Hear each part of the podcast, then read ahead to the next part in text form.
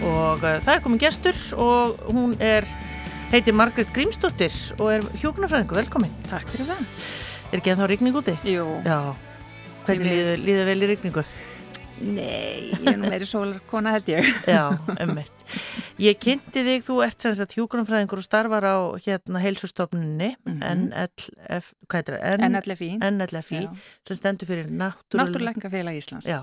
Heilsustofnunni hver að gera kvöllum venn og yfirleitt. Já, ummitt. Eh, ef ekki bara einhvern veginn að byrja á byrjunni, þú ert árbæðingur, fætt og uppalinn í árbænum. Já, ég semst ólst þar upp, þangað, og, semst ólst þar upp og bjóð þar þangað til Ég var hvað 25 ára, Já. þá flutti ég til bandrækjana. Já, okkur fórstu þanga? Um, við vorum, fórum í nám og hérna og nám og vinnu sem að enda því að við vorum 11 ár í bandrækjana. Já, þú og þá maðurinn. Já. Já. Um, þú, býtu árbænum, þá er bara, já það er árbæðaskóli eða hvað? Árbæðaskóli. Já, þessi stóri grunnskóli. Já, já. Hvernig var það? Það var bara skemmtilegt, þetta var hérna það var bara gaman aðna bara frábær hverfi og, og hérna og bara gott að búa þarna. Ofsvölu gott að búa í árbænum Og hvernig stelpa var Margret? Var hún í íþróttum? Uh, nei, nei, ég hef mjög oft dreymt um það að ég væri íþróttukona en ég er það ekki. Um, Ég held að ég hef nú bara verið svona óskupu venjuleg. Ég hérna bara með mínum vinkonum og, og hérna ekkert búa mikið versin á mér held ég, nei, held ég. en nei. hérna bara róleg einhvern veginn, ja. hafði mikið áhuga og ég var í kórnum og ég var í myndlistanámi og, og það var svona það sem ég, var, það sem ég hefði áhuga á e, Myndlistanámi þá sem tengdi skólanum? Eða... Nei, ég var, ég var ég byrjaði í myndlistaskólanum í Reykjavík þegar ég var bara krakki, fóreldrar mínu sett með myndlistanám og ég var alltaf af og til og hefa verið í gegnum árin, sem sagt verið einhver ár og svo hef ég hægt og farið aftur og gert meira og Já og svona, nú er það svolítið langt síðan ég, hérna, síðan ég var síðast í myndlistan og mér var einmitt að hugsa um þetta, já, nú er komið tími til að taka þetta upp aftur. Já, en ertu semst flink að teikna? Ég veit ekki. Mér finnst þetta allavega skemmtilegt, er skemmtilegt að teikna mála. Já. En árbærin á, þú fætt hvað, 70... 71. 71. Hvernig, hérna, var þetta orðið svona grói hverfi á þessum tíma? Hvernig? Já, það var, það, það var náttúrulega uppbyggingu. Við flyttum í Selósin, fóröldrar minni voru að byggja þar og við, flyttum þar og það var náttúrulega allt hálf hrátt og þetta náttúrulega svo hefur þetta náttúrulega bara eins og maður sér það er, það er svona skipti á fólkinu, nú er semst eldra fólki fara að fara úr húsunum sínum og, og hérna yngra fólk að koma inn, Já. sér maður og, og hérna og fjölskylda mín býr þarna þannig ég er alltaf með annan fótin í árbænum. Já, ummitt. En fjölskyldaðinn, ertu í stórum sískinahoppi eða? Við erum, erum, semst, við erum þrjú og hérna og, og fóröldar mín og sískin mín þau búa en þá öll í árbænum þannig að hérna, það er mikill, mikill samgangur Já, og, og við, við erum mikið saman og við, við fylgjumst mjög vel hvert með öðru sko. En hvað ert þú í rauðinni? Ég er elst Þú ert elst mm -hmm. og svo kemur Svo á ég bróður sem heitir Jónþór og sýstur sem heitir Hrafnildur Vala Já, já, og stjórnaði þú öllu þannig? Já, já, já. og hef svolítið sett mig í það hlutverk einhvern veginn innan fjölskyldunar að ég bara ég bara græja þetta, Já. ég tek þetta bara. Hefur alltaf verið svona ábyrðafull svona eitthvað þegar? Já, ég held það. Já, ég held það, ég held að hérna, ég held ég hef ekki alltaf fatta það eða átta mig á því.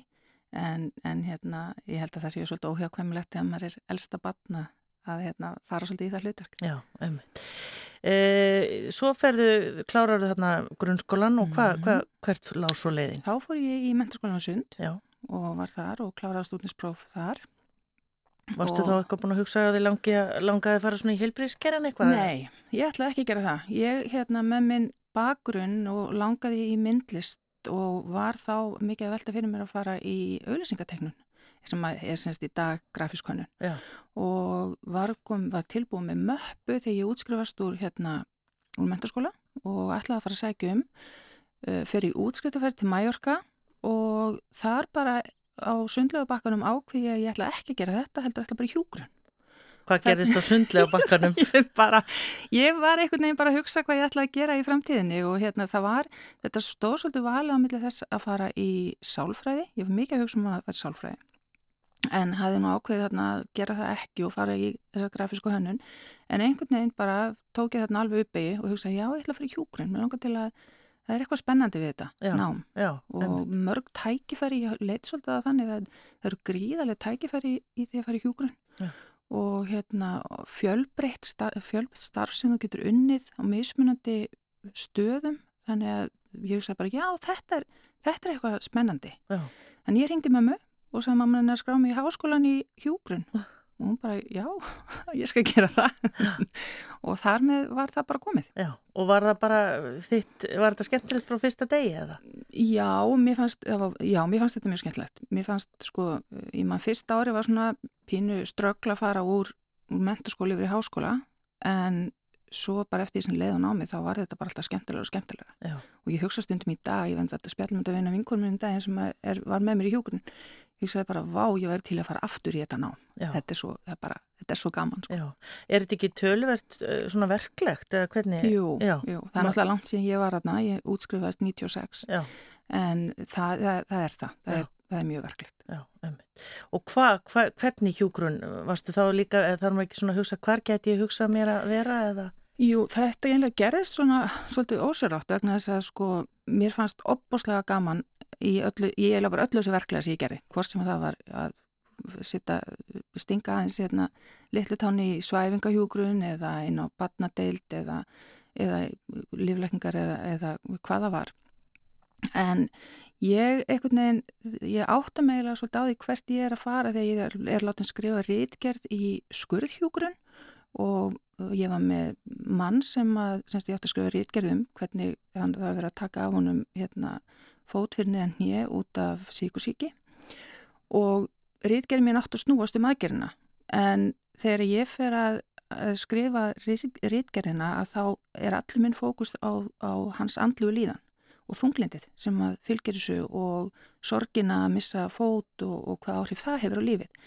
Þannig að þegar, ég, þegar að þetta er því skila inn þessari rítgerð þá fæ ég tilbaka frá leipinandun minn bara þannig er þú komin, þetta er þín hilla, þannig áttu að vera. Já. Og í framhaldi af því þá einhvern veginn teki þá stefnu innan hjúgrunar að fara að vinna með fólk og líðan. Já. Og hva, hvernig, hva, hvar er, nú veitum að þessu í hveragerði, en hvar eru þeir hjúgrunarfræðingar að starfa? Er það bara á geðdeldum? Já, eða? geðdeldum og, og náttúrulega mikið af, uh, náttúrulega, þetta er náttúrulega bara hluta hjúgrun. Já. Það er bara það að geta stutt fólk andlega í gegnum það sem það er að fara í gegnum. Já. Þannig að þú getur ekkit aðskilið þetta. Nei. Þannig að með þessari rítgerð var svolítið svona línan lögð. Já, þetta var svona, þetta var svona pínlítið aha augnblik í lífinu mínu. Já. Svona, já, ok, þetta er það sem ég vil, þetta er það sem ég hef áhuga á. Já. Sem mann alltaf tengist líka inn á það að ég hefði ætlað í sálfræð á sínum tíma. Að þetta einhvern veginn kemur allt saman. Já, en það er stundum svona að vera að hjálpa mann að taka ákvarðanir í lífunni. Nei. En fóstu þá ekkert að starfa eftir háskólanámi, fóstu strax til bandreikina? Nei, ég, syns, ég, ég starfaði hálft ára á bráðamáttökunni, þá var bráðamáttökunni á landsbytalanum, kjallarum á, á, hérna, á ringbrytinni og það var alveg frábært hálft ár, sem var það frábært fólk og, og maður sá margt og lærið margt. Já, brjálaðislega góðu skóli. Já, mjög. Já, já. Og hérna, og, en svo flutti ég semst í bandaríkjan hérna í rétt fyrir jól, 96 og fór þá að skoða það hvað ég, hérna, hvað ég vildi fara að gera um, og enda á því semst að sækja um í klíniskri félagsákjöf sem að ég var svolítið hugsa um að fara í geðhjúgrun ákvaða að gera það ekki og átti hérna vinkonu sem var, sem var sjálf í þessu, í þessu námi í klíniskri félagsrákjöf sem var snýst bara um meðferðavinnu þannig ég skoða það eins og ákvað svo að gera það. Um, flutti til Boston og fór þar í, í Boston, Boston University og í nám í félagsrákjöf það semst ón á hjógrunna Já, Já. semst meistarnámi því. Það var tvö ár og þegar því var lokið þá fluttu við til Flórida þar sem ég bjóð í sex ár og var þar að vinna á sjúkrási, á háskólu sjúkrási og var þar að vinna sem félagsákjafi mikið í meðferðavinnu. Hvernig ég, sko, ég er eiginlega spenntar að heyra hvernig maður búið Flórida heldur en, heldur en sko Boston, af því að maður tengir eitthvað Flórida bara við, sko, golf eða strönd eða Já, eitthvað. Já, sko, við, við byggum í, í bæ sem heitir Gainesville sem er í, í miðju Flórida, svona tveim tímum fyrir norðan Orlando og þetta er ekki strandbær, þetta er, er háskólabær og uh, búið þarna minnum um, ekki hvað, 200-300 manns eitthvað svolítið á þessu svæði og þetta er, um, það, það, það er fínt að búa þarna en um, ég allavega fann mig aldrei sem sko, ég var alltaf svolítið útlendingur og eignast fullt á kunningum, lítið af alvöru vinum en þeir vinir sem ég eignast þarna er ennþá vinið mínir í dag. Mm. Voru en, þetta meira að minna amerikanar? Já, það? það var það. Var það. það sem er kannski með þetta svæði er að þetta er, uh, þetta er náttúrulega háskóla borg og en svæði fyrir utan er náttúrulega bara sveit Já. og fátækt og, og er það það sem að búa 2300 manns? 300.000 Já, ég ætlaði að segja já. hvort þú hefur búið nei, bara svona nei, Já, 2300.000 manns, þannig að þetta er ekkit risa stórt Nei, þetta er ekki stórt, en þetta er samt sko um, út af því hvernig staðsendingin er á, á sjúkurásunu þá, þá þjónuðum við opaslega stóru svæði. Og þarna sá ég bara og uppliði hluti í lífinu sem ég hef aldrei gert annars, bara út af samfélagslegum þáttum, um, fátækt, um, kúltúrmun, alls konar. Og það er náttúrulega sko að við vorum, við tókum alltaf vaktir á bráðumátökunni og þá sá maður ímislegt sem að maður myndi bara, það sem, maður, það sem gerist þarna kannski einu mánuði myndi maður upplifa hérna í Íslandi á einu ári. Já. Þannig að þetta, þetta, er, þetta er bara umfangið í allir þjónustu svo miklu, miklu, miklu meira. Já, en hvað með þetta sem alltaf er sagt sko að það hafi ekki allir efni á sumu heilbreyðstjónustunni, fannst þú fyrir því eða? Um, já, en við, ég, sagt, að vera að vinna á háskólisjúkrósi að þá uh, tók, þá fengu allir þjónustu.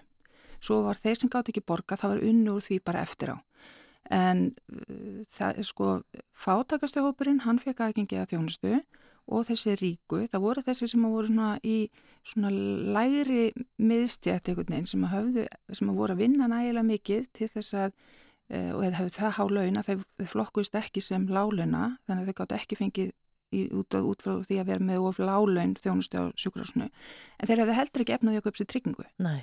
Það eru þessir sem að lendu í verstu sagt, aðstæðanum hjá okkur. Já. Varstu þarna í vaktavinnu eða var þetta dagvinna eða hvernig? Þetta var dagvinna en svo tókum við vaktir á, á bráðamáttökunni og þá vorum við með allan spítalan líka ef eitthvað kom upp á. Já.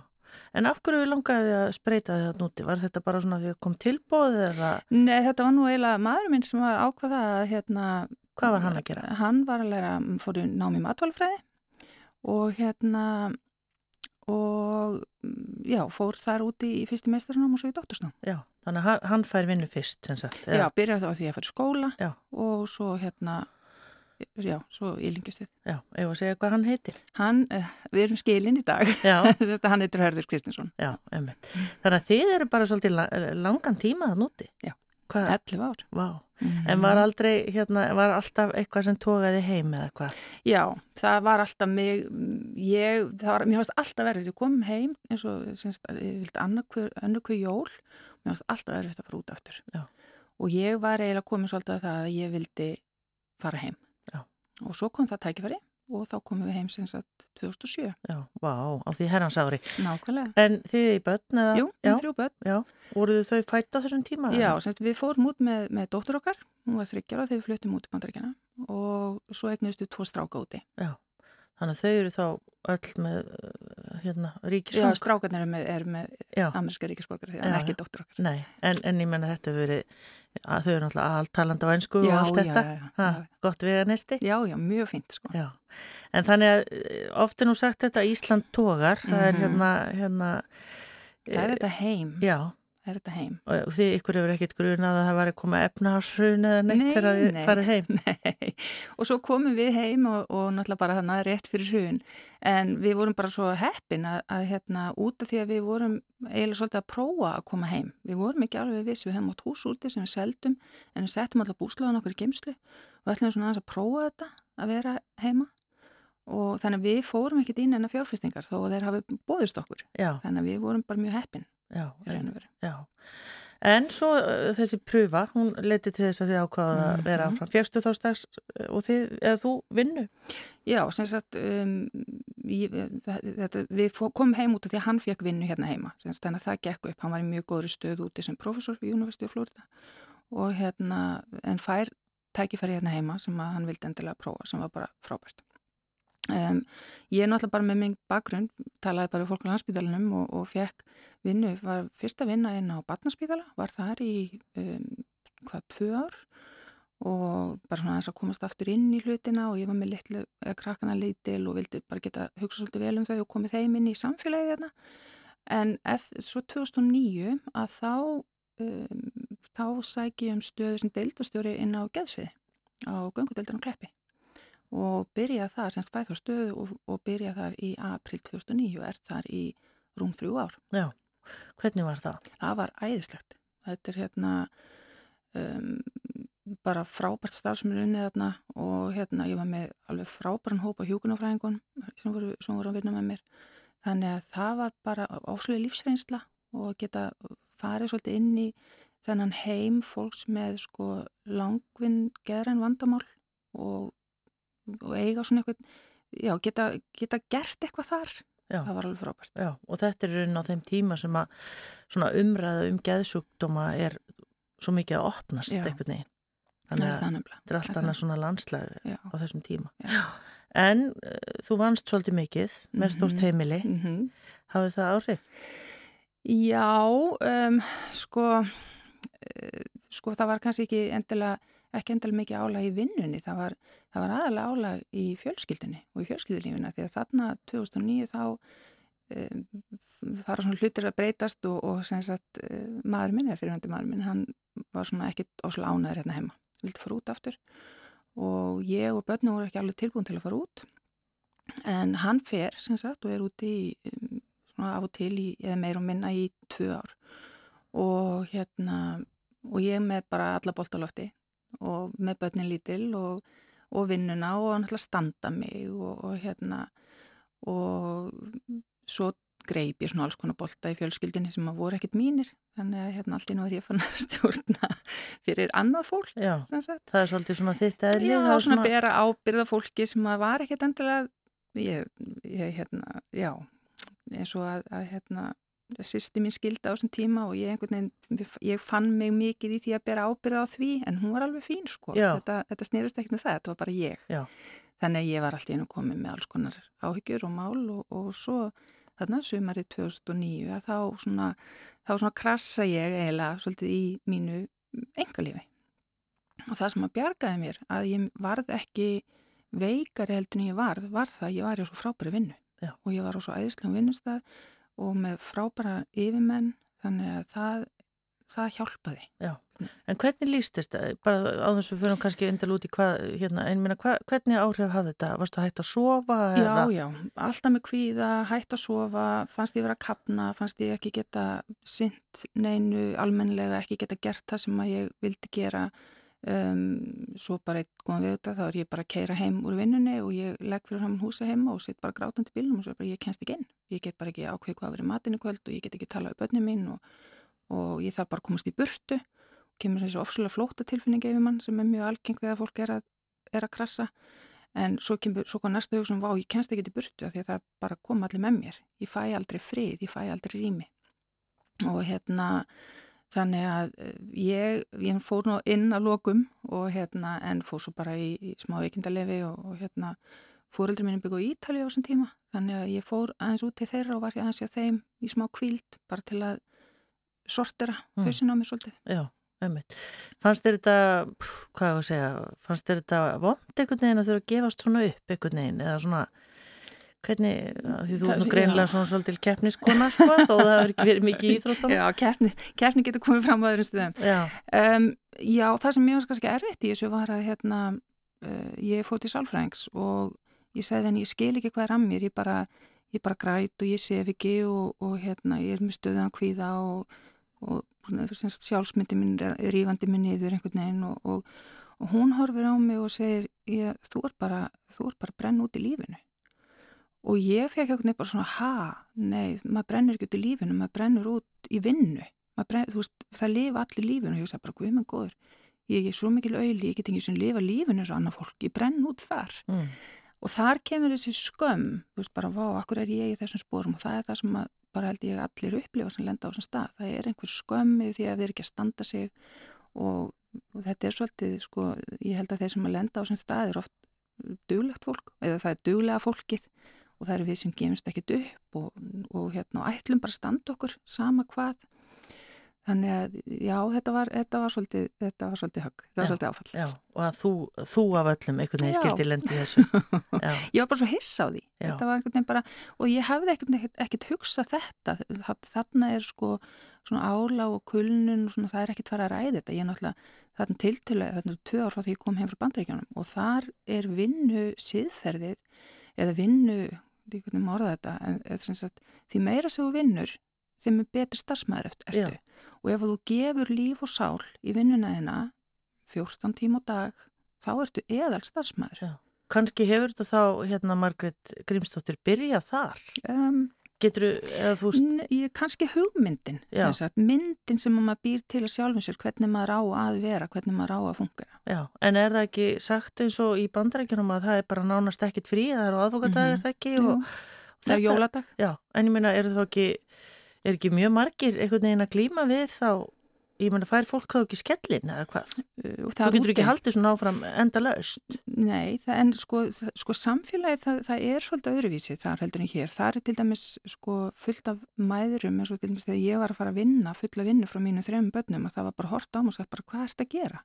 Þú átt að vera heima með börnið þín. Já, Þannig að sko það að vera í þessu hlutverki þannig eins og við Íslendingarnir vorum bara við bæði í fullri vinnu og sinna heimili og gera allt sem þurft að gera og keira og sækja og skutla og svona að það var bara einhvern veginn, við bara gerðum þetta en þetta um, þetta, þetta þykir ekkit endilega eðlilegt þar nei, en já, þannig að þetta er svona, þetta er svona samfélags grunnurinn er svolítið öðruvísa heldur en hér. já, ömmit.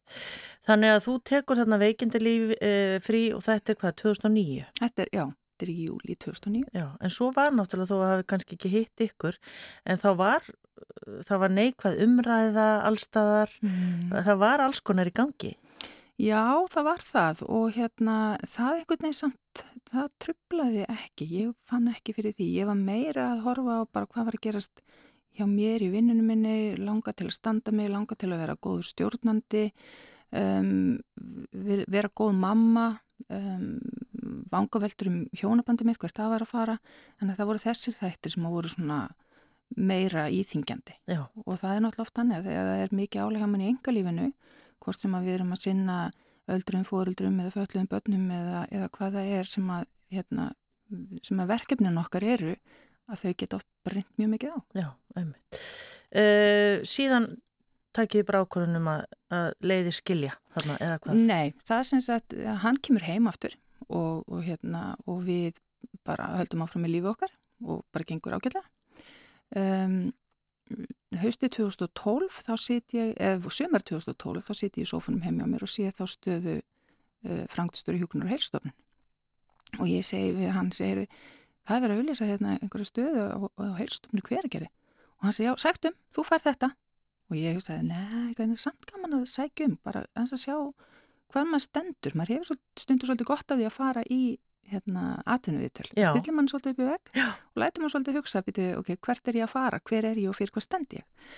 Þannig ég sótt um og fekk stöðuna byrja að vinna á helsstofnun þarna 2012 Og kerðir á milli bara? hér á milli. Já, Og- sem er ákveðið að hóla þó að, já, já, en, en samt bara það, það er allt í lagi það er svona fjóri mánuður ásins nógubur, desember, janúar, februar sem eru ekki skemmtilegir en afgangurinn er bara fínt. Já, og hérna vinn þar sem sagt um, já, byrja, byrja semst að vinna þar hérna í, í september 2012 og er þar enn í dag en svo er það semst 2015 sem að við ákvæmum skilja. já, ömmit. En þannig að þið fluttuð aldrei neitt austur á þessum tíma, Nei. þú kerðið bara alltaf á milli. Já.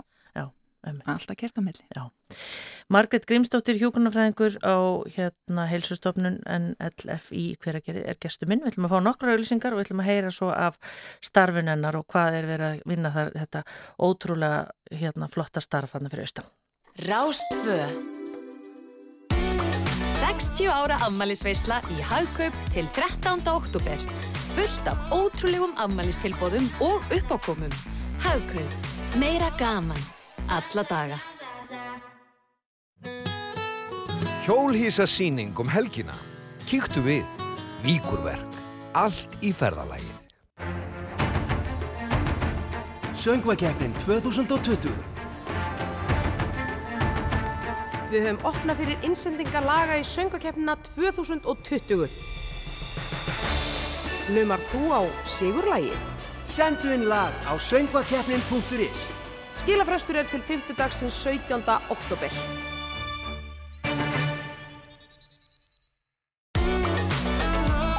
Nú er kauplaupstilbóð í Hagkaup Smáralind. Hagkaup Smáralind. Sunnudagssögur til klukkan þrjú í dag. Kestu minn er Margret Grímsdóttir hjókurnafræðingur. Margret, þetta er svo spennandi saga, við mögum ekkert verið að því að hérna, spila neina tónlist eða neitt. En hérna, hvernig er starfið þegar þú tekur við þarna 2012 í hveragerði? Er, er það svipað og það er í dag eða? Það, sko starfið á, á heilsustofnun er alltaf í stöður í þróun. Við erum náttúrulega með sko endurhefingu, þetta er endurhefingustofnun og við erum með samning við sjúkutryggingar sem er náttúrulega grunnurinn af þeirri starfsemi sem við erum að veita þarna og um, við þessi, þessi síðustu ár þá hefur það aðal hérna, breytingin sem hefur orðið á starfsemin hjá okkur er það að uh, hópur dvalagesta hjá okkur er, er aldurinn er að lækka, við erum alltaf að fá yngra og yngra fólk. Um, við erum að fá meira af streytufólki og verkjafólki. Og svo erum við með hérna, stórun hópa af, af öldruðum einstaklingum sem koma til okkar ég jafnvel árlega eða margi hverjir árlega og það að koma til okkar í fjórar vikur hjálpar þeim að búa heima. Já. Þannig að við erum sem sagt, hérna, það er opbúslega öllu og góð starfsem eins og við framanna. Við erum á hverjum tíma með um 100 og, um, millir 120 og 130 manns hjá okkur og hérna bara, bara frábær starfsemi. Já. Er hérna, ert þú hjókunarfræðingur, sinnir þú öllum þessum hópum? Eða? Nei, sko, ég, ég starfa náttúrulega mest fyrir stjórnun sem, sem sagt, frangöldstjóri hjókunar. Þá, þá er ábyrðin er mín sagt inn á, á hjókunni og fleiri þáttum starfseminar. En ég nota náttúrulega, sko, maður þarf aðeins að líka vera með putan í því sem maður hefur áhuga á. Þannig að ég sinni mikið streytu fólkinu, ég með þau mikið í viðtölum og svo held í námskeið. Með búin að vera að leika mér svolítið með það undarfærin ára, vera með nokkur skon, svona nokkur, nokkur útgáfur af streytu námskeið hjá okkur. Bæði allt frá vikulöngum námskeiðum upp í fjóravíkna, tvalir, bara fjóravíkna, bara prógram. Þannig að ég hef svolítið aðeins verið bara að, að, að, að þreyfa fyrir mér hvar þörfin er og hvað við getum gert best fyrir þennan hóp. Já. Þannig að mein, ég er aðalega þar og með semst fólki líka um, á, sem er geðt teiminu hjá okkur, Já. út á kvíðu og þunglindi eða, eða fleira. Þú sagðir áðan sko að þegar að þú ert í rauninni komin heim frá bandaríkjunum og ferð að vinna á, á geðdeldinni að þá er þetta streyta á kulnun. Þetta er ekkert eins og þetta er í dag. Nei. Hvað, hérna, hvað eiginlega hefur gerst? Sko umræðin hefur náttúrulega opnast og, og fólk eitthvað er svona viðkendara mál en ég held að sé bara um, ég held að þetta sé markþætt þetta er, þetta er bæði sko bæði það að við erum náttúrulega með alla bólt á lofti og við erum að við ætlum að gera allt. Og ég held að samfélagsmiðlar skipti þarna stórum máli, við erum stöðugt að sjá hvað aðrir er að gera. Það er opbúslegt frambóð á skemmtilegum hlutum. Um, það er líka það að við hérna um, við, viljum, við viljum taka einhvern veginn þátt í öllu, öllum saumaklúpum, öllum gönguhópum það er jóka og það er núvitund og, og ég menna þetta er allt saman frábæri hlutir fyrir mann og gott að gera þetta allt saman en kannski ekki allt í einu. Þannig að við þurfum og svo, svo, svo gerist það, við hættum að kvíla okkur. Við erum alltaf að. Og svo þegar við áttum okkur því að við erum ekki að standa okkur vel á við náum ekki að halda öllum boltunum jafn vel á loftu, við erum ekki að standa okkur eins og við vildum gera á öllum sviðum þá fyrir við að fá kvíða, við fyrir að hérna, svefnin fyrir að trublast hjá okkur og svo bara fer þá allt á liðina. Já, einmitt. Og, og þú segir sko að skjólstæðingarnir eru að yngjast. Mm -hmm. Hvað er það að tala um gammalt? Eða þú veist, hvað er svona, hvað er að segja, fjölmennastu hópurinn þar? Hjá okkur, við, á, það er ábyggilega, sko stærsti hópurinn hjá okkur er ábyggilega svona einhver, einhver stærn millir 55 og 65. Um, það fer samt svolítið eftir því hvað þessi einstaklingar er að takast á við. Við erum með Um, sko eitt, fjór, uh, ja, eitt þriði til eitt fjóruði hluti af, af dvalgestunum eru aldraðir. Um, og þeir koma í þessu öldrunar endurhæfingu sem við erum með. Þeir sem eru yngri, þeir koma út af streitu, út af þunglindi, margir með langvinna verki, um, vefjagikta fólk. Um, og þetta, þetta eru einstaklingar og, og svona alltaf þeir sem komin í streytuna þetta er, þetta er fólk sem er yfirlt á aldrum kannski já, fjöri, millir 40 og 60 Já, það er stór hópur þar. Já. Og er fólk að koma nógu snemma? Er, það er allur gangur á því. Sumir, sumir um, átta sig á alvarleikanum nógu snemma að meðan aðrir bara fara áfram á nefanum þangar til þeir eru orðinir mjög veikir. Og við sjáum það alveg, það, það kemur fólk til okkar sem er hjá okkur í fjórar, fimm, sex vikur og það er ennþá mjög veikt þegar það fer og þá er ekkert annað til aða heldur en að fólk fari í ótímbundi veikindarlefi og, og svo fer það bara í ferli mjög líklega inn í virk og, og, hérna, og áframhaldandi stuðning og meðferð. Já, ummitt.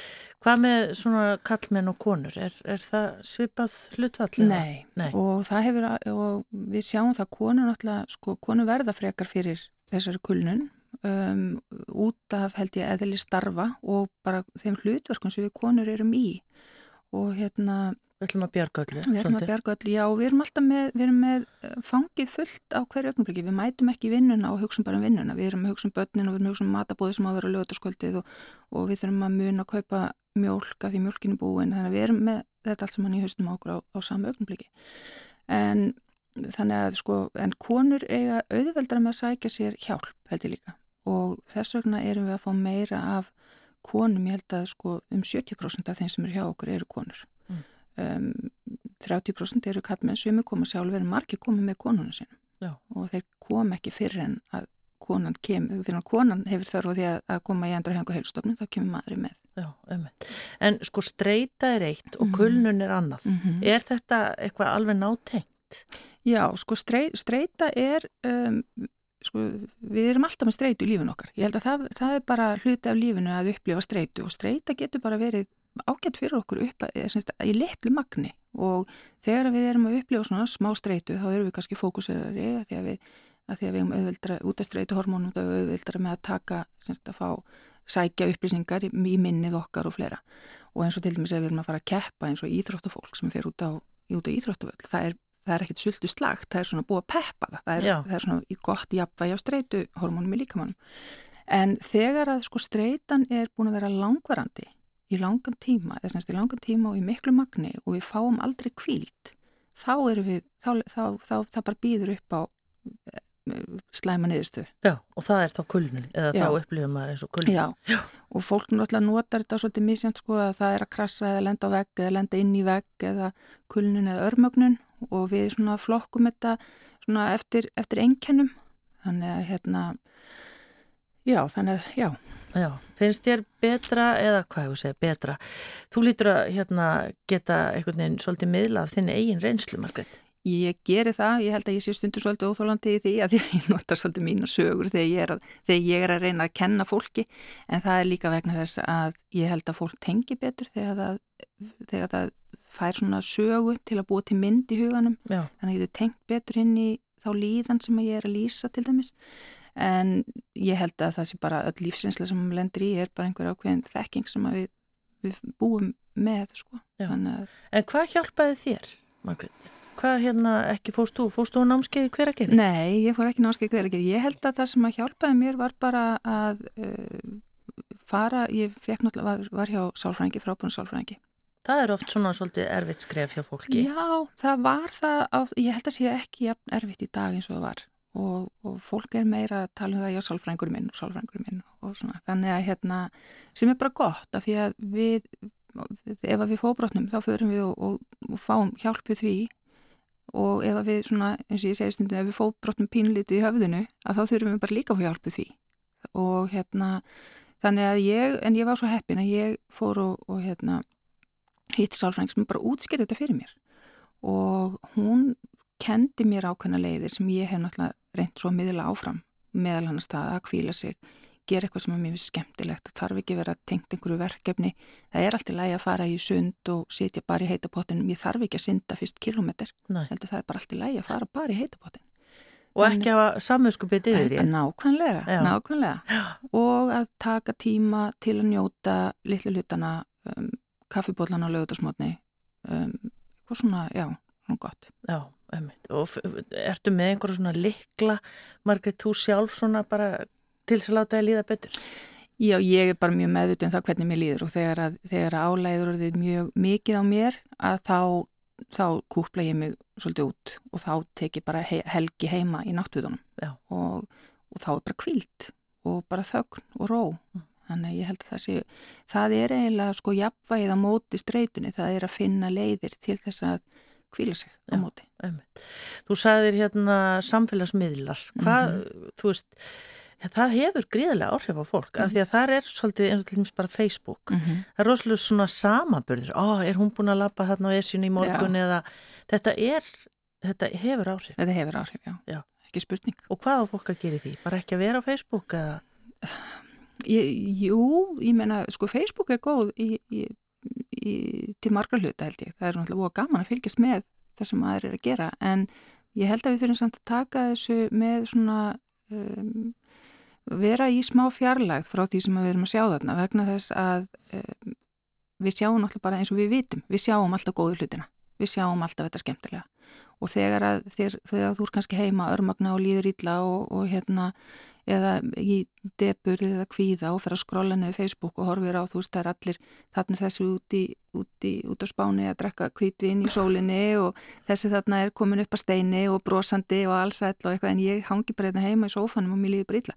Eða er þetta skilabóð sem að hérna, snerta mann. Já, Þannig að við þurfum bara svolítið að vera held í meðvitum það að sko í, á bakvið allar fullkonum myndirnar eru, það er bara líf. Við lifum öll þessu líf og við erum öll með okkar verkefni. Mm. Þannig að við getum ekki, það er ekki allt alveg frábært hjá öllum. En, á, en ef við erum á þessum stað að okkur líður ekkit rosalega vel, að þá er kannski Facebook heldur ekki að hjálpa. nei, emmitt, Þá er kannski alltaf að taka smá pásu. já, emmitt. Hvað gerir eh, Margrét Grímsdóttir á sunnudum, vennilega? Þegar hún er ekki viðtali á rástöð. Mm, þá er ég heim og drekka mótnana og hérna sinni börnunum mínum og svo ég er með tvö barnabörn sem að hérna er alveg uh, tveir frábæri litli strákar og hérna og er náttúrulega ég er mikið með fjölskyldurum minni. Um, svo dansa ég salsa. Ég er að Já. fara í salsa í dag. Þannig að Það- hérna, Er það ekki einhver algjörlega losun á hérna, einhverjum kröftum það bara? er rosalega skemmtilegt. Já, Ég er afleitur dansari og hérna ég, ég var svona, ég var svona nánast reikin og dansi áttara. Rekin og Þannig- dansi. þetta, það, ég var bara ekki, ég man, ég var hjá heiður ástöðinu og þetta var ekki, þetta var ekki að gera sig. En, Nei. en hérna, en ég einhvern veginn ákvaði að gera þetta til þess að, hérna, að gaman að dansa og, og hérna, þannig að ég fór á, á salsnámskið hérna einhvern tíðan í fyrra og svo er ég, hérna, held ég bara áfram og, og þetta er bara ofsalega skemmtilegt. Já, emmitt. Frábær hópur og, og það er alltaf lega mæt einn. Þannig Já, skemmtilegt. Þannig að sunnudagarnir eru svolítið þetta. já, Já, en þegar að þú hérna í starfinniðinu og þú segir að í rauninni fólki er að yngjast, það er ekki, ekki láta á fólki sem að, eða sem það, er, það fækkar ekki í hópnum. Mhm. Eh, hvernig er þá að starfa við þetta? Finnst þér þú einhvern veginn, þú væntalega horfir á og sér árangur og svona, Mhm. en er þetta ekki eitthvað risa, risa verkefni sem að er svo erfitt að einhvern veginn að takast á við? Missur aldrei svona vonin einhvern veginn að... Nei, Nei. nei, alls ekki. Kanski vegna þess að um, ég, ég bara í gegnum starfi mitt og í gegnum það að vinna á heilsustofnum, hvort sem það er að vinna með streitu eða, eða fólk með, með verkjavandamál eða þunglindi kvíða eða hvað það er. Við, það, við sjáum svo mikið að batasögum og við erum alltaf, fólk kemur til okkar og það fer eftir fjóra vikur og það hefur bara náð gríðarlega góðum árangri.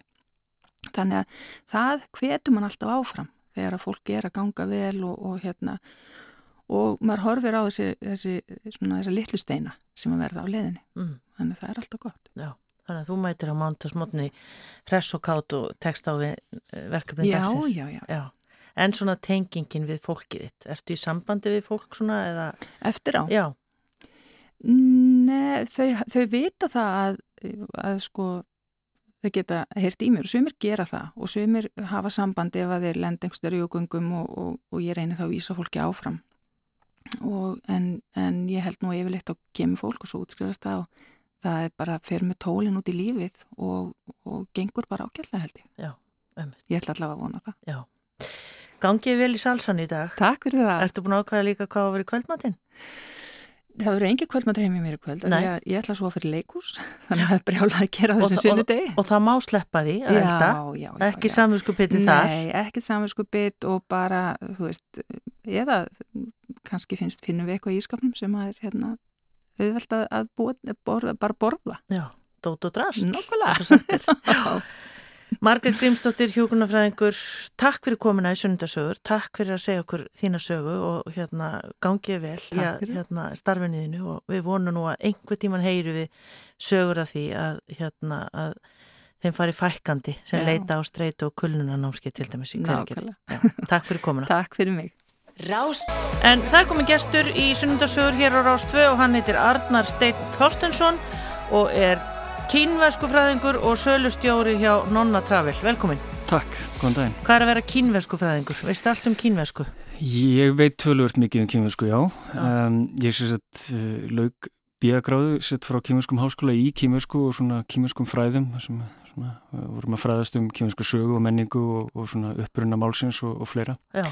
Þannig að það er svona, alltaf félist ekki því að vera, já, að vera kýmversku fræðingur. Já, og þú sagði mér því ég talaði við þig fyrir helgi að þegar þú varst lítill strákur, þá varstu bara að bulla á kínversku. Já, það, það var einhver hluti af svona aðtiklisíkinni þegar ég var lítill að, að hérna að ef mér fannst krakkarnir ekki verið hlusta mig þá sagði ég eitthvað svona bull og, og þau voru bara, hvað er þetta? Já, þetta er kýmverska, ég kann kýmversku Já, Ég kunni spænsku líka sko og hérna byrjaði byrja á því reyndar og svo færði en, en þetta var bara bull. þetta var bara bull sko Já, og veist ekki hvaðan þetta kom? Þekktur eitthvað sem var, eh, talaði kínversku eða... Nei, e- ekki neitt sko Nei. Ég veit ekki, kannski var það bara, þú veist, ég bjóð á hagamælunum og, og kýmversku sendur að það var alltaf víðimælum kannski það bara er ekki auðvitað það eða eitthvað ég skal ekki segja Já, Arnar, eh, þú ert sem sagt vestubæðingur eða fættur uppalinn í vestubæðinum. Jú, Já, og heldur um að káir? Já, í svona í körfun allavega sko ég, hérna, en ég svona er voða lítið að spá í, í slíku í dag sko Já, Já, ég hefði körfubólta með káur í galanda já. Hvenær ertu fættur?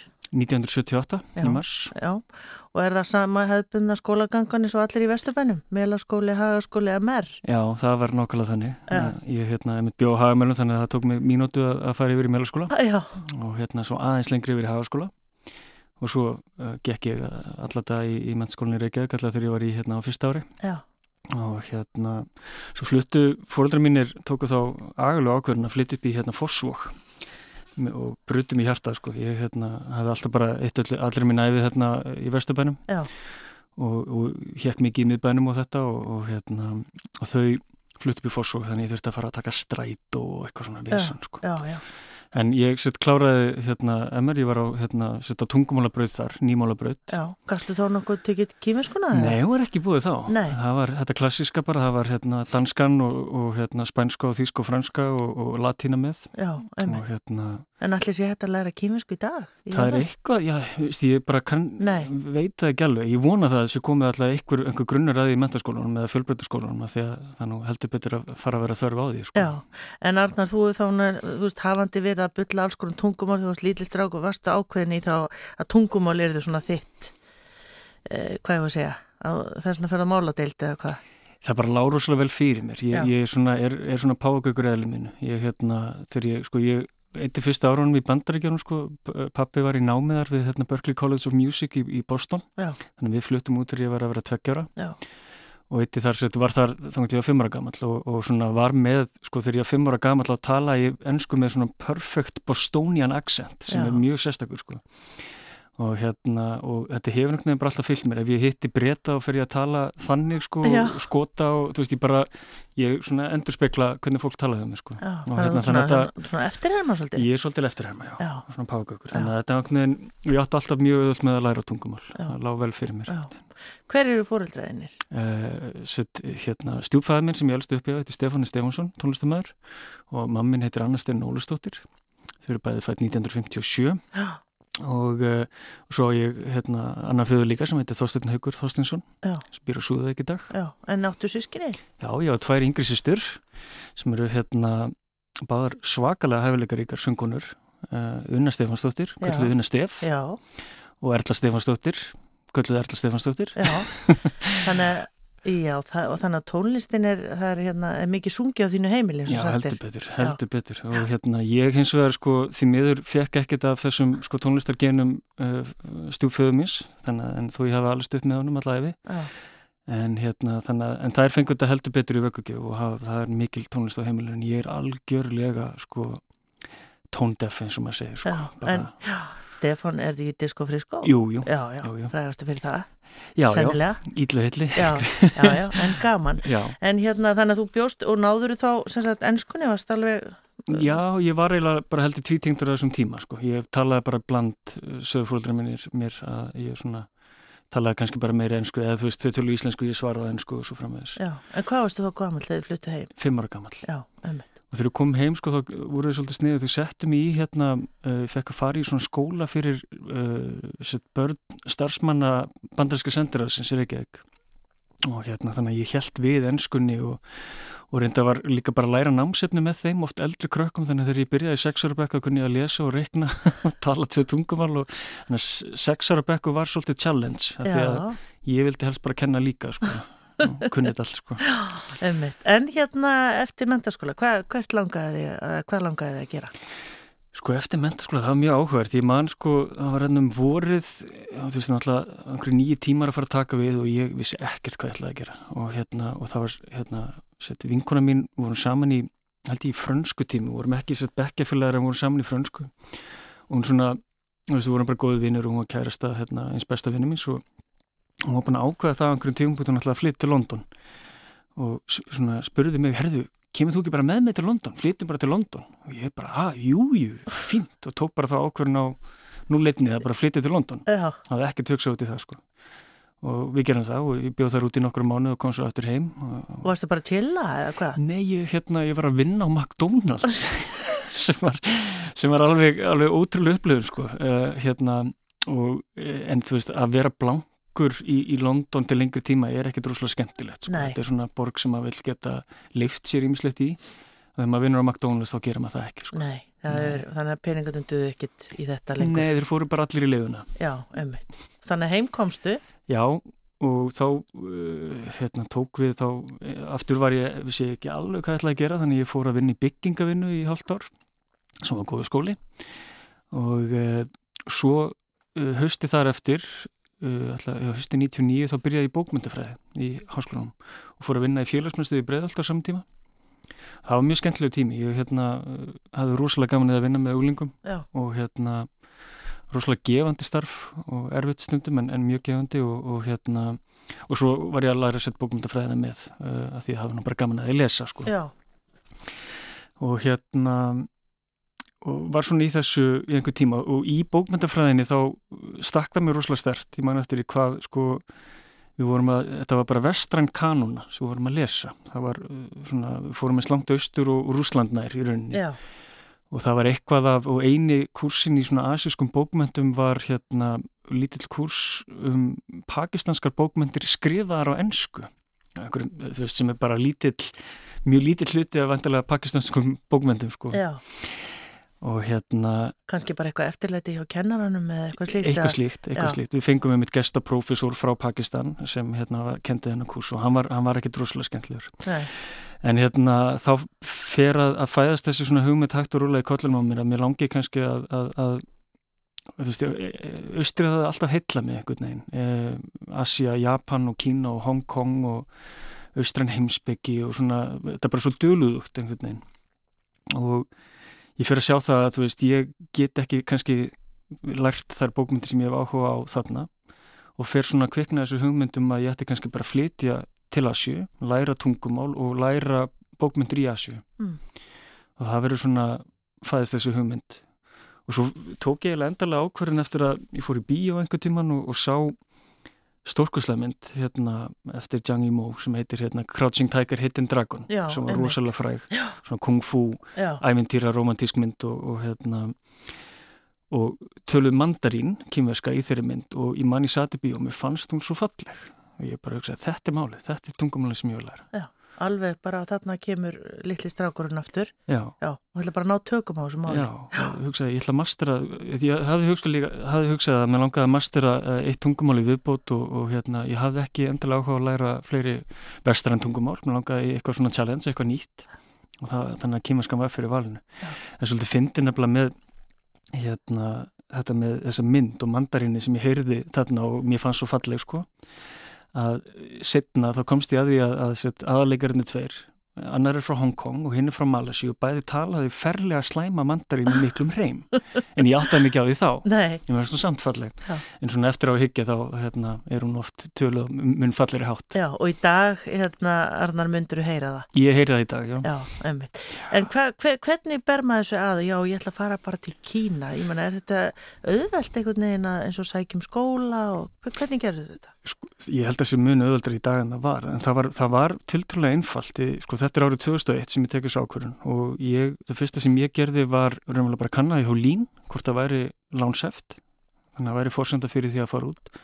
Og þar voru skráðir nokkrir háskólar og svo fór ég í kýmerska sendir og það var mér upp um frekar upplýsingar þar og, og hvernig það væri að sækjum viðabrisáriðin sem námsmaði til Kína og svona og, og skoða þar litlu heimildi sem voru til á internetinu 2001 um bara þessa borg og þennan háskóla og, og ég bara fór í þetta ferlu og það var ekkert mál. Nei, og bara, ert bara farin út einhverju mánuðum setna? Já, já. já. Og hvert fórstu? Ég flutti til borgar í Suðu Kína sem heiti Guangzhou og hún var kölluð hér á árum áður Kanton og er hérna í Guangdong hér í Suðu Kína og þar eru, þar eru Hongkong líka og, og Macau hérna fyrir utan eða svona aðeins fyrir sunnan. Já, en okkur valdur þetta? Það voru eiginlega tvær ástæður fyrir því. Annars vegar flestir hefur einhvern veginn valið Peking. Það hefur svona leiðið í augum uppi að velja Peking sem svona höfuborg Kína og, og menningamöðstöð. En það kaldar í Peking á vetuna heldur en Íslandi og ég hafði engan áhuga því að flytja á kaldari stað. Nei og hinn ástæðan var svo að ég komst að því að það voru ekki náttúrulega 200 erlendir nefnundur við háskólan í Guangzhou, þess að í Zhongshan háskólan sem ég fór í og ég hugsaði með mér að það væri gott vegna þess að þá væri ég ekki allan daginn að tala ennsku, ég yeah. bara þyrst að fara út í djúbulegina og læra kýmvesku svo ég geti spreytt mig í því nýja umhverju sem ég var komin í. Yeah. en ég vissi að í Peking voru miklu fleiri erlendir nefnundur og, og erlendir ríkisborgarar og, og svona stærra, þess að við kallum svona expat samfélag, eða svona útlendingar erlendis. Og hérna þannig að það var eiginlega bara aðal ástæðan og líka því að það er alltaf sömar í Guangzhou. Þetta er svona, þetta er hérna rétt fyrir norðan miðbög og, og hérna það er hlýtt og grænt allt árið, það er svona aðeins kallt í janúar en alltaf grænt og alltaf fallet sko. og hvað er það að tala um heitt? Svona í, á sumrin verður það náttúrulega bara 40 steg hitti og opuslu raki og það er nú eiginlega ólíft hérna stundum. En, en uh, svona meðal hitti 25 pluss eitthvað svolítið upp í 30 gráður. Já.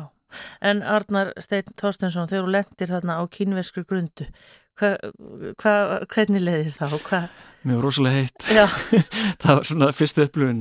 Þetta september 2001? Þetta var í ágúst 2001, já. já. Og hérna... Og þarna stóðstu?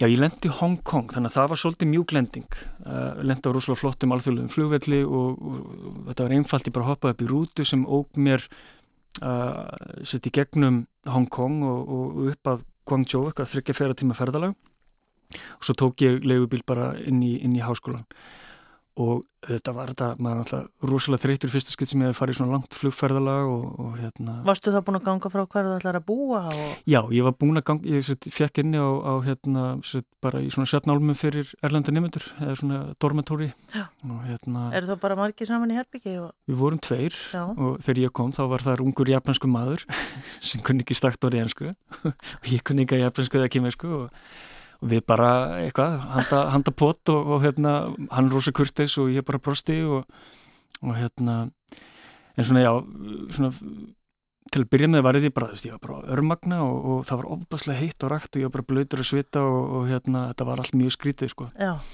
En, en, en svona allar upplýsingar og svona eins og með námið og svona þú, þú hlýtur að hafa þurft að nota enskuna svona til þess að koma þér á stað? Jú, jú, ég þurfti þess og, og til þess voru, ég meina það voru nefndur hérna sem voru bara hjálpaður sem kunni einhverja kemursko og gáttu hjálpað og, og einhverjir starfsmenn á, á á skrifstofu erlendra nefnda sem gáttu talað ennsku líka en þetta, þetta var ekkert mál. Nei, en fórstu þá bara í kynvesku eða nám? Já, hugmyndin, hugmyndin var svo ég ætla að taka sett fyrst tvær annir af kynvesku í, í þessu prógrami og svo færum við yfir í, í bókmyndafræði á kýmversku, bara með kýmversku nefndum, það var upprunnilega planið Já.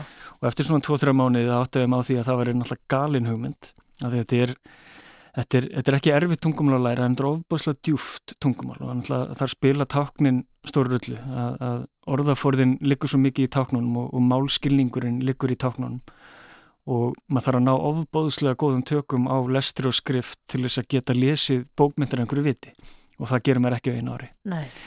En ég... þú getur semst á einu ári þá getur lært að tjáði og skilir svona, þú veist, eh, dagstæðilega svona hvað er að segja og svona lesi blöðinu eitthvað en ekkert farið neitt. Nei, ég, ég held að mann lýs ekki blöðin eins og eftir eitt ár, það er mjög, og ég hef ofta, ég hef ennþá erfitt með að lesa blöðin, það fyrir að sérhæfður svona rítáttur með blöðinu, ég er volið að lengja staða með fram og greinum, sko, það er öðuldra að lesa bækur í rauninni, Já. það verður skrifaður á, á svona talmáli. En getur það aðeins útskýrt þetta fyrir okkur með þessi tákn, sem sagt, ef við bara segjum bara orðið dagur eða eitthvað, hvað, eh, hérna, hvernig eru táknin? Er bara reyna að þess að útskýra þetta fyrir okkur. Já, það er svolítið erfitt, þetta er náttúrulega svo myndrænt, það er svolítið erfitt að útskýra það í orðum, en uh, við tökum bara orðið fyrir hérna, dagur, það er hérna rö. Og táknin fyrir rö er mjög einfalt, það er, það er kassi með striki gegnum í miðunni og það er upprunnulega tákmyndin, þetta er náttúrulega sko,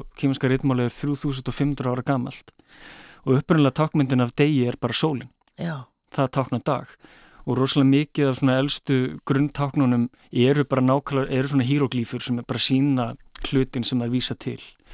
Og svo hafa þær þróast í, í gegnum árin. Og Já. í dag er þetta, er þetta e, þegar maður svona kemst, þegar maður er búin að læra til 2-3 ára og farin að sjá sko e, þessi mm, grundvallar element í táknunum sem gefur til kynna að þetta sé sögni, að þetta sé lýsingarorði, að þetta sé slæmt, að þetta sé jákvægt að þá verður ofta auðvöldar að giska á hvað táknir þýðir þó maður hafa aldrei séð það áður en ja. þá hugsa maður með sér, já þetta er sennilega lýsingarorð sem er lýsingur í ákvæðu maður þarf stundum svolítið að giska ja. en maður getur það þó eftir nokkur ára af, af kynaskunnámi, ja. þá svona fer maður að fylla hans í eðunar.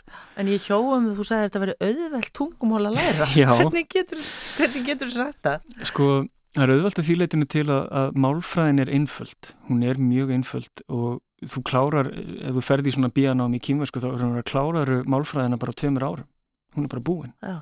Þá ertu bara útskrifaður í kýmversku málfræði. Já. og svo snýst þetta bara um að, að bæta við sér málskilningi og, og ná svona dýbri skilning á, á, á sögu tungumálsins og hvaðan hlutinu koma og fara í ljóðin og, og svona sögur og alls konar og, og þar er og það er óbærslega skemmtileg vinna.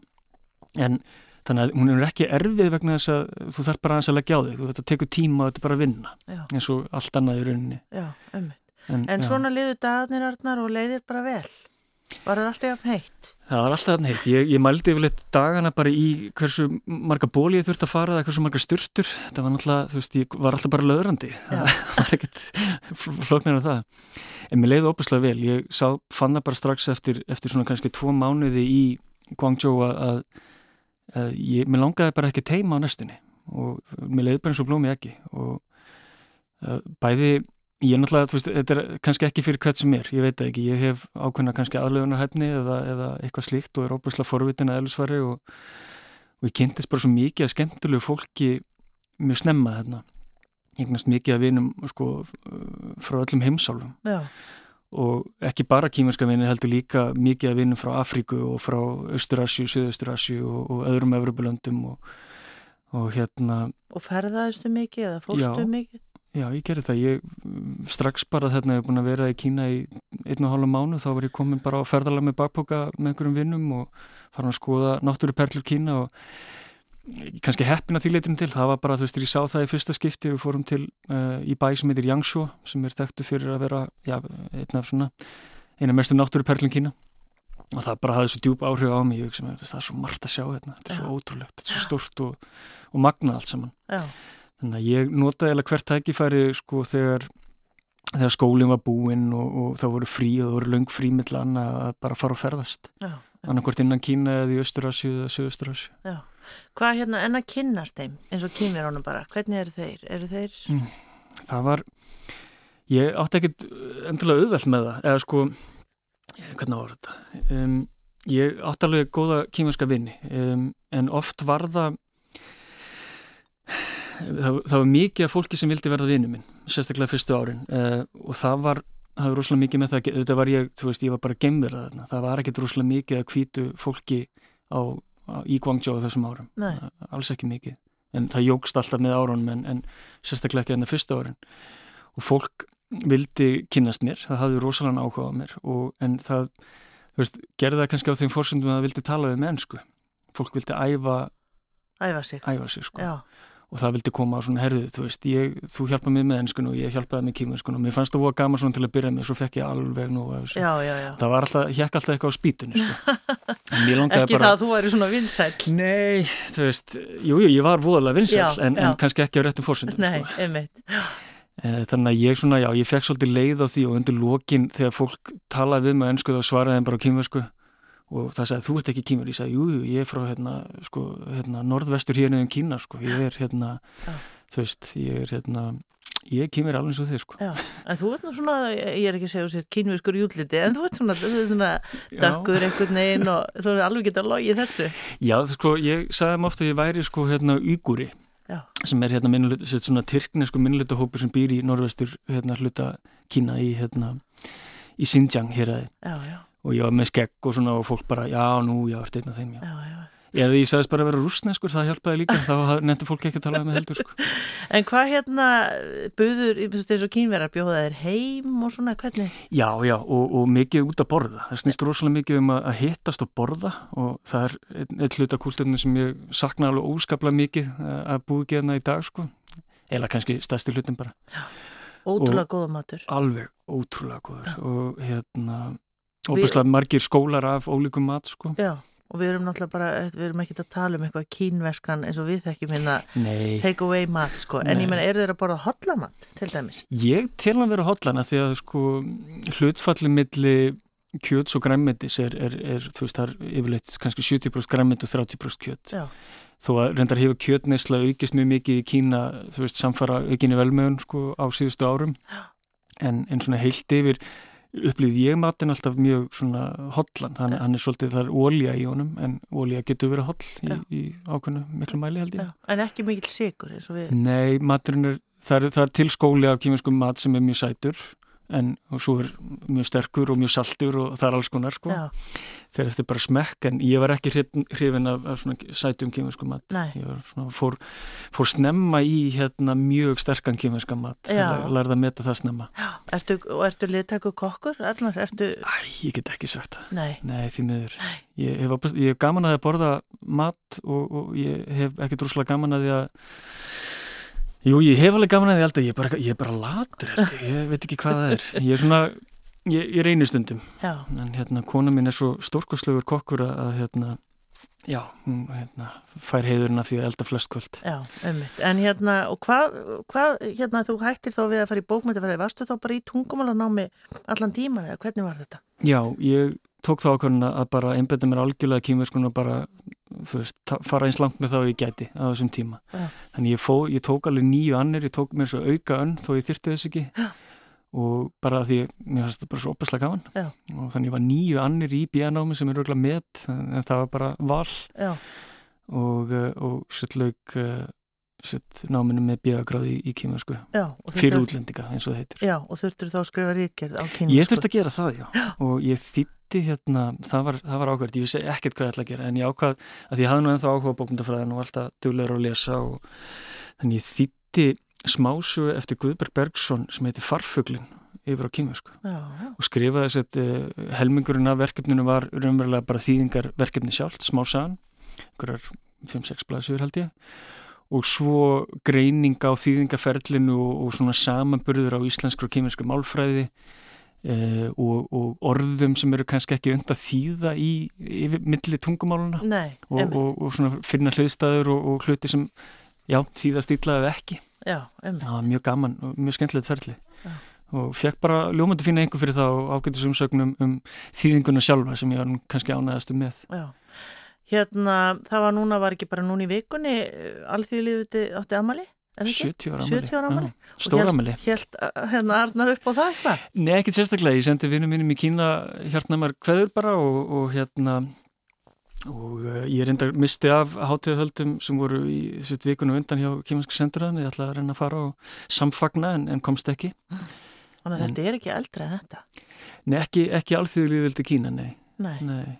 Þarna, þarna í 1. oktober 49 hafa kommunistar sigur yfir komintangfloknum eða líðræðisfloknum og, og þeir hekkist yfir til Tæfan og, og sagan segir að þeir hafa reynda tæmt eh, fjehirslu ríkisjós á leiðinni og það svona, sé kannski hluti af þeirri úlfuð sem er millega þessari ríkja. Já.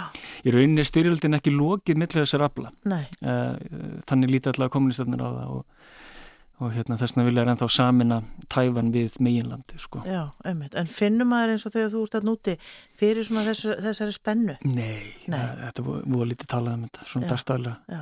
Það eina sem er að, að þú veist, þú, þú þegar maður er að læra kannski um landafræði Kína, þá komur svona trick question sko, uh, kennurum er álægt að leggja fyrir erlenda nefndur sem uh, er einhvern veginn á þessa leið sko, hver er stærsta eiga Kína? Já og það er tæfanir svarið sko. Já, einmitt, já, já.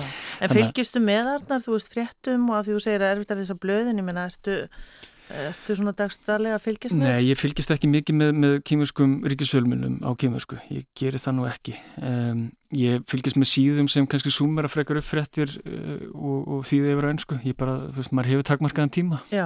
í lífinu, þannig að ég, ég viðkynna það, ég er ekki dölöð við. En svona halda þér við með tungumálið? Já, ég náttúrulega vinn í nú vinn ég í ferðarþjónustunni og hérna við e, fyrirtæki sem ég starfa fyrir við erum störfum mikið á, á kínamarkaði. Já. og við erum með starfsmann í Kína og við tölum saman á hverjum einasta degi e, á kímversku og skrifumst á á kímversku og, og þannig að ég er bara nota hverjum einasta degi. Og hefur verið mjög heppin með það myndi ég segja að alveg frá því ég kom heima árið 2006 að þá hef ég verið að nota tungumála meira og minna. Já, berð þú ábyrð á öllum kýminónu sem eru hérna í Íslandi? Nei, ég get nú ekki En þeim er að fjölga?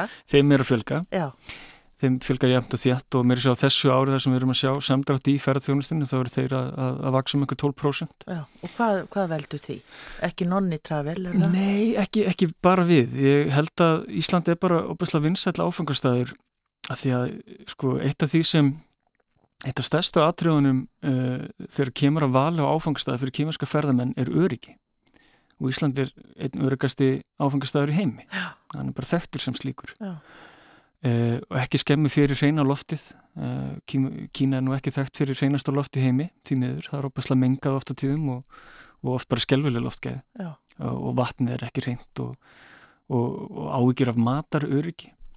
Þannig að koma til Íslands er, er rosalega sterk upplifin. Það eru stóru opinn svæði, þú ert ofta aðleitn einhvers staðar upp við eitthvað vatn eða fjall og, og, og veginnir, það eru fáir á veginum, þeir elska að lega þessi bíla og, og aga hérna um eins og, eins og við vitum, við hefum heyrt mikið um. Já. En er, þetta eru oft svona, ég myndur að segja, frekar svona negatífa fréttir einhvern veginn á kýmverskum ferðarmennum. Já. Hva, hvað segir um það hérna? Já, hvað er að byrja? Þeir, já, þeir sko, þeir hlýti ekki reglum og þeir uh, kunni ekki keira og allt já. þetta. Hvað? Ég held að, auðvitað, það eru svarti söður sem hérna líta allan hópin. Það er alveg klart mála, það er, kemur hinga fólk sem hérna, ykkur ítla og hefur valdið slísum og það kemur hinga fólk sem hefða sér ítla og, og kemur óorða á hópin og það kemur líka alveg rosalega stór hópur af fólki sem gerir þetta allt upp á tíu. Já. Við heyrum bara ekkert um þau.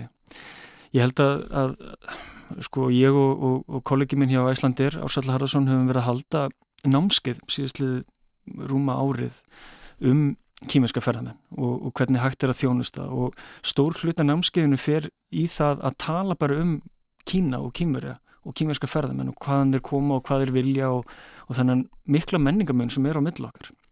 Hann er mjög, hann er mjög raumurlugur og, og Vandamál er bara að, að flest allir í ferðarþjónustu skilja ekki kýminska ferðarmenn. Þeir skilja ekki alveg þeirra væntingar og þeirra kröfur.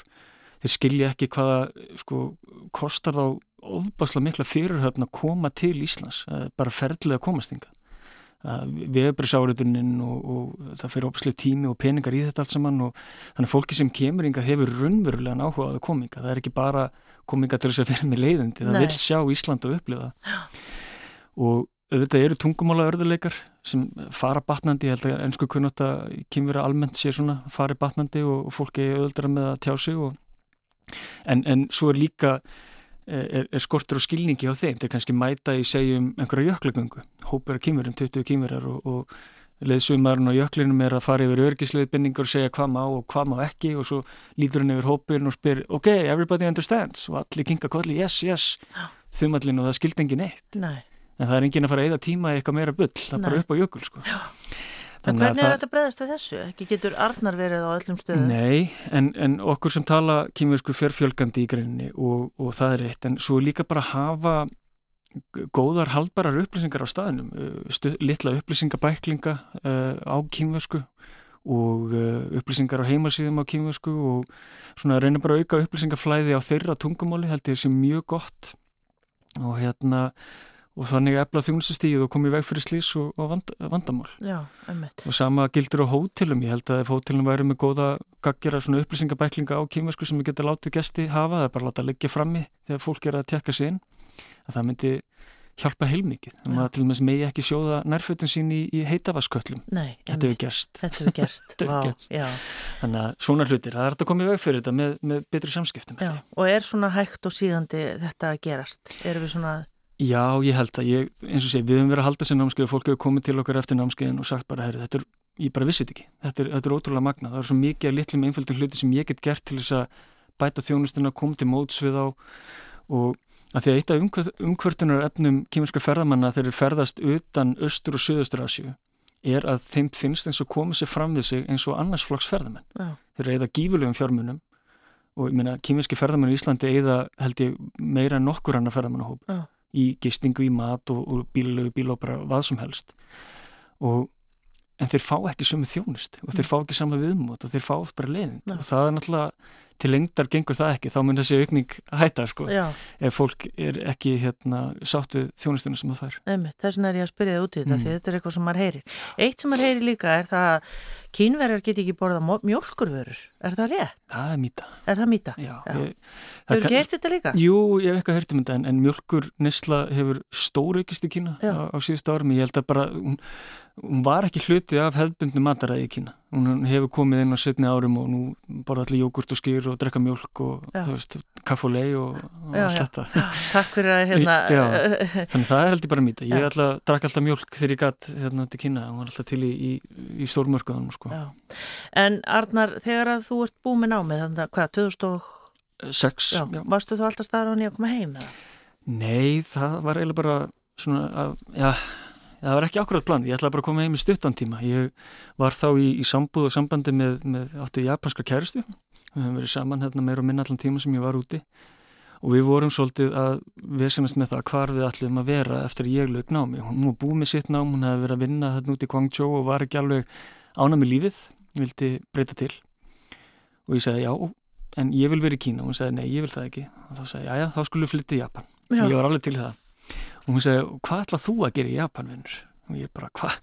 Ég bara gera eitthvað. En henni leist ekki það. Hún sagði að, sko, að vera, að vera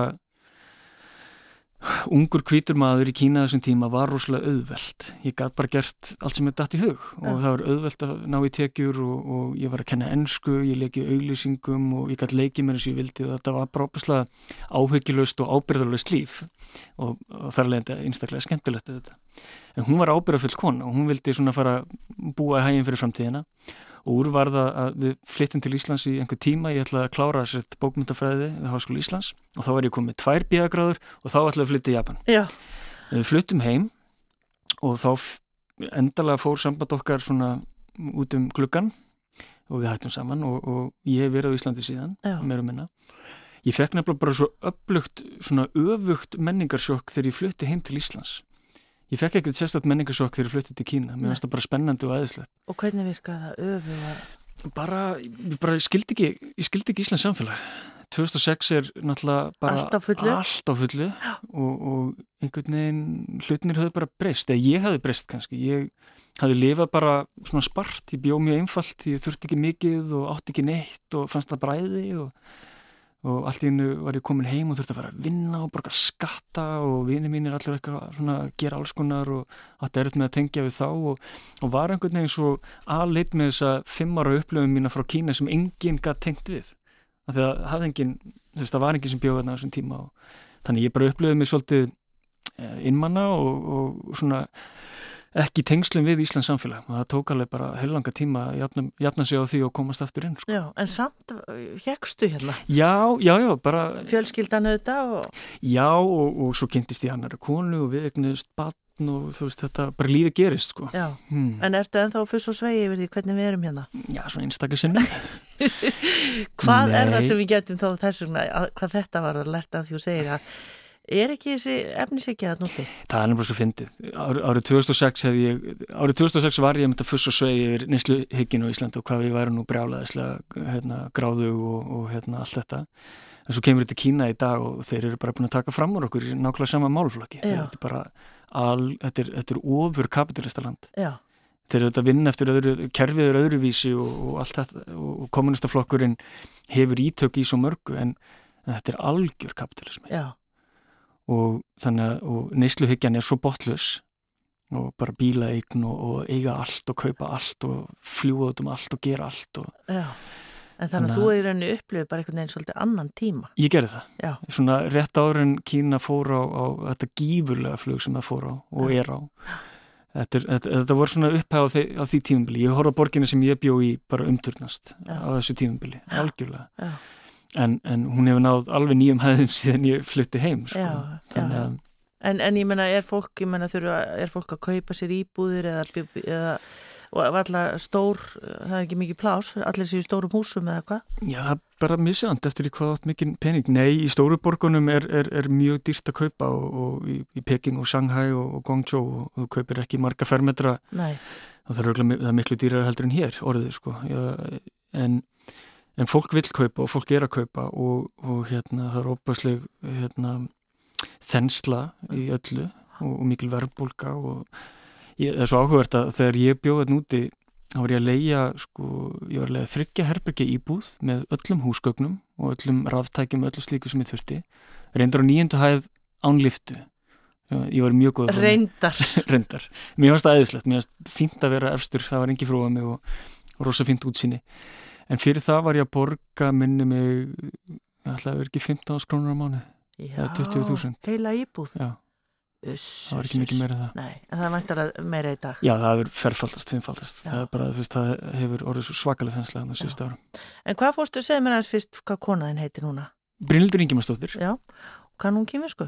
Nei, hún talar eins og flæmsku og frönsku og, og, hérna, og frábærensku. Já, og þið er þrjú börn? Já, við eigum sitt hvort barni úr, úr fyrir samböndum sem eru bæði allu vara það eru svona eins og týpurar en, en já, Stelp og strákur? stelp og strákur. Tveir mánu eru millera Já, það er reyndisleg, það er Alessandra Ásta og, og, Björn Kári. Og svo eigum við saman uh, Ingemarörd sem er þryggja og, verið þryggja háls núna. Já, Hvað hérna, hvað fyrstu að gera þú komst heim til Íslands? Já, ég var, ég, sko, ég man ekki ég man ekki hvernig þetta ægslaðist að því ég, hugmyndin var ég ætla að koma heim og fara í nám, ég ætla að halda áfram í námi og ætla að fara að vinna, eða fara hérna í almenna bókmyndafræð og klára það og flytja svo til Japan. En nokkrum vikum eftir ég kom, kom heim hafði ég haft samband við því ég vissi ekkert hvað ég geti gert með þessu kunnátt ég bara vissi það ekki en ég hugsa með ferðarþjónustu fyrirtæki gætu eflaust nýtt sér, það er auðvitað kýminski ferðarmenn eða eitthvað Þannig ég hafði samband við eitt fyrirtæki, bara ralni og baði maður að tala við mannastjóra og kynnti mig og sagði, sagði henni hvað ég kunni. Og hún sagði, herru það er mjög áhvert, ringi mig þið aftur og eftir. Ég bara, já ok.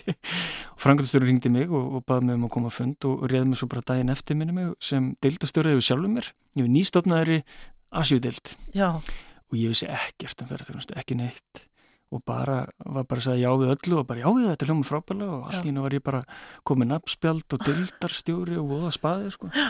svo, og var þetta fyrir Íslendinga sem voru þá leiðin til Kína? nei, kýmveri sem voru komið til Íslands Já. þá var þessi, hafði, þessi hérna, Jóhann Kristjánsson, þá var hann frangandastjóri Æsland Travel hann var hann eiginlega nýkomin heim frá Kína hafði séð sitt sjálfur bara hvað Kína var svakalega stórt og, og hvaða var voru miklu möguleikar Já, og það var búið að segja honum að það getur hæglega komið 20.000 kýmverðar fyrsta árið til okkar.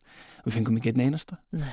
þannig að þetta var aðeins flóknar en ég held svona þegar ég byrjaði á þessu verkefni. Já, en þannig ég vann þar uh, frá 2006 til 2008 og, og setti eiginlega sem frá Kína meiri yfir á Japan.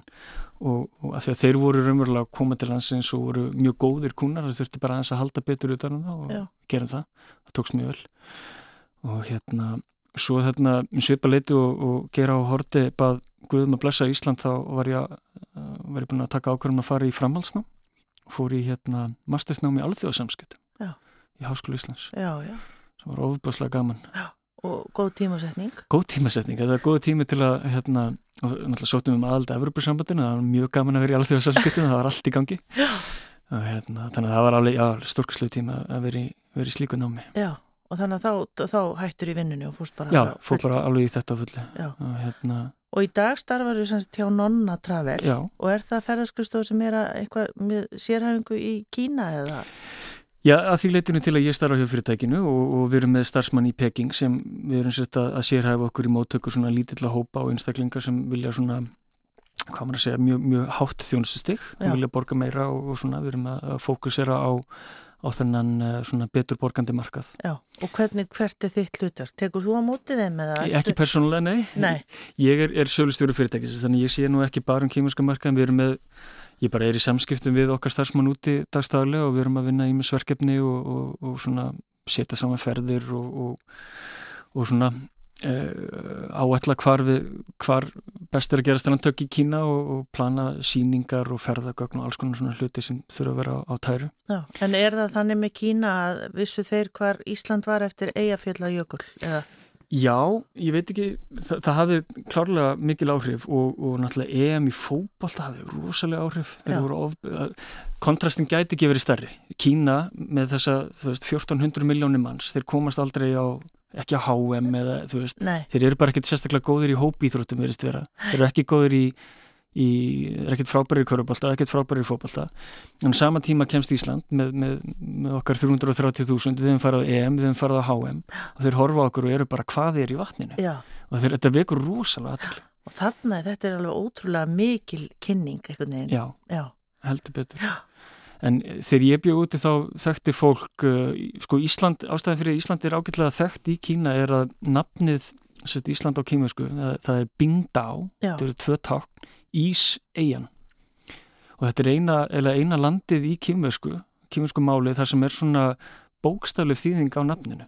Yfirleitt eru svona hljóðfræðilegar uh, svona útgáfur af nafninu eins og Danmörk heitir Dammæ. já, Það er svona hljómar svi- svipað. já, En Ísland er svona bara Íseyjan. já, og það, fólk gleymir því ekkert, það Nei. er eitthvað svona, já, þetta er mjög uník, þetta er mjög einstakt og, og þannig að það, það þekktu Ísland og það voru margir sem sögðu hverir og svona, og eldfjallaverkni, Björk og svo var hérna Eður Smári vel þekktur já, þessum tíma. þannig hann var í Kína.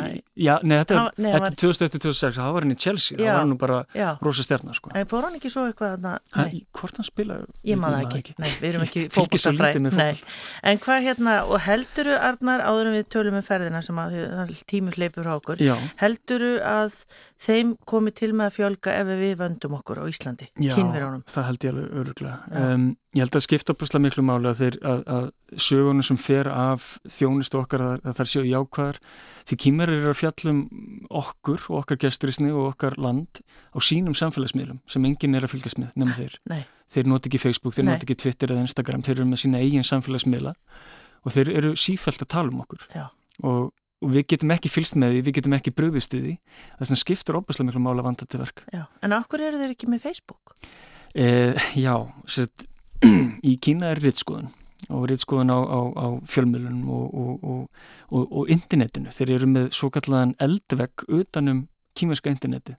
Eh, kímerska interneti er svolítið eins og internet inn í internetinu Já, og þeir loka á ýmsar fréttaveitur, ýmsar þjónustur og, og hæja jafnvel á öðrum heimasíðum sem blokka ekki sérstaklega en svona hæja á þeim þannig að til að letja fólk frá því að heimsækja þér og sækja sér bara upplýsingar inn í Kína og Google bara hefur ekki fallist á skilmáluna sem þeir, sem kýminska ríkistjóðun hefur sett þeim varandi að réttskoða sjálfa sig í, í leitarvílum og, og eins með Facebook og þetta, þeir bara haldis úti Já. og það hefur gefið, sett, og í staðin hafa komið bara svona heimaræktuð kerfi í staðin Já. sem hafa mörguleiti algjörlega farið fram úr þessum samfélagsmiðlum. En við þekkjum ekki Þetta er hér. náttúrulega svo brjálæðislu fjöldi. Já, já. En kemst þú, hefur þú komist inn svoleið síðu? eða? Já, já, já, já ég, þú, við getum alveg gert það hér, sko, en, en svona upp að einhverjum, jú, við, við getum gert það, maður getur notað þessu samfélagsmiðla Já. og það er ekkit vandamál, en, en ég er svona almennt í, í, í bransunum okkar ferðarþjónustinu, þá bara er fólk ekki meðvitað um það, en ég hefur það getu til að, tungumánulega, til til að vera þetta inni að skoða þetta og við. Já. Ótrúlegt, heyrðu, tímin er að fljúa frá Já. okkur, þú ætlar að, eða þið, að því bara ég verðast tala um það, það er ferð með ykkur um páskana Já, og ætlar að fara með það fólk Íslendinga á þína slóðir eða?